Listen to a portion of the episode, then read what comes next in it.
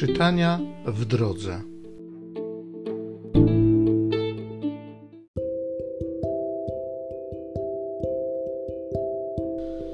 Z pierwszej księgi królewskiej. Pan rzekł do Eliasza: Elizeusza, syna Szafata z Abel Mechola, namaścisz na proroka po tobie. Eliasz zszedł z góry i odnalazł Elizeusza, syna Szafata, orzącego. Dwanaście par wołów przed nim, a on przy dwunastej.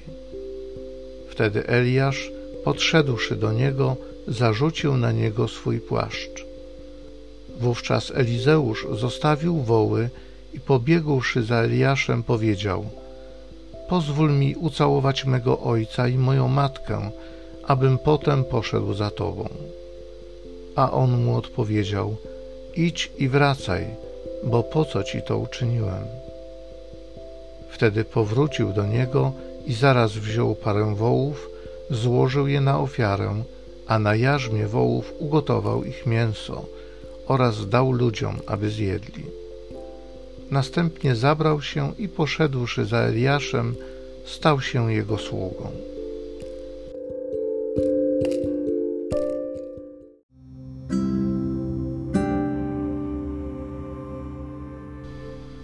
Psalmu szesnastego. Pan mym dziedzictwem, moim przeznaczeniem. Zachowaj mnie, Boże, bo chronię się do Ciebie. Mówię do Pana, Ty jesteś Panem moim, Pan moim dziedzictwem i przeznaczeniem, to On mój los zabezpiecza. Błogosławię Pana, który dał mi rozsądek, bo serce napomina mnie nawet nocą. Zawsze stawiam sobie Pana przed oczy. On jest po mojej prawicy, nic mną nie zachwieje.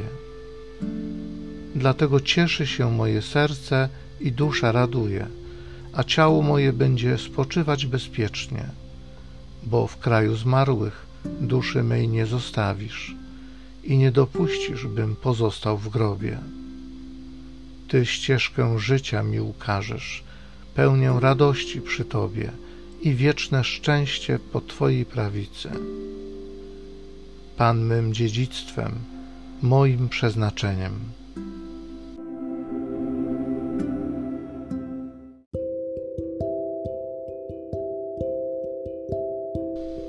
Z listu świętego Pawła apostoła do Galatów.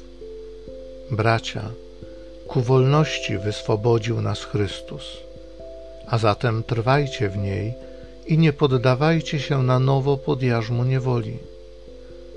Wy zatem, bracia, powołani zostaliście do wolności.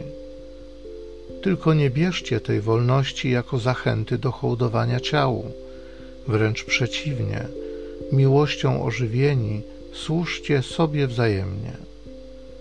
Bo całe prawo wypełnia się w tym jednym nakazie: będziesz miłował bliźniego swego jak siebie samego. A jeśli u was jeden drugiego kąsa i pożera, baczcie, byście się wzajemnie nie zjedli.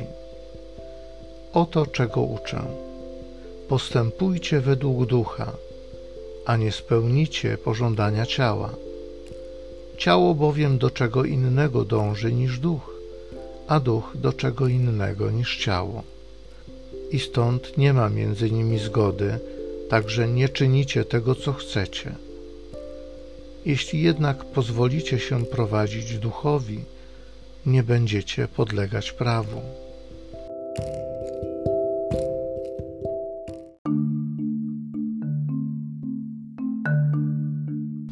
Mów, Panie, bo sługa Twój słucha. Ty masz słowa życia wiecznego.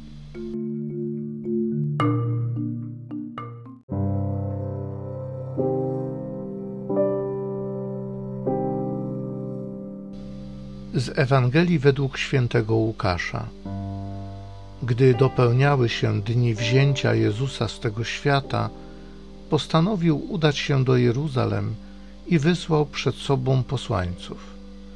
Ci wybrali się w drogę i weszli do pewnego miasteczka samarytańskiego, by przygotować mu pobyt. Nie przyjęto go jednak, ponieważ zmierzał do Jeruzalem. Widząc to uczniowie Jakub i Jan rzekli: Panie, czy chcesz, byśmy powiedzieli, niech ogień spadnie z nieba i pochłonie ich?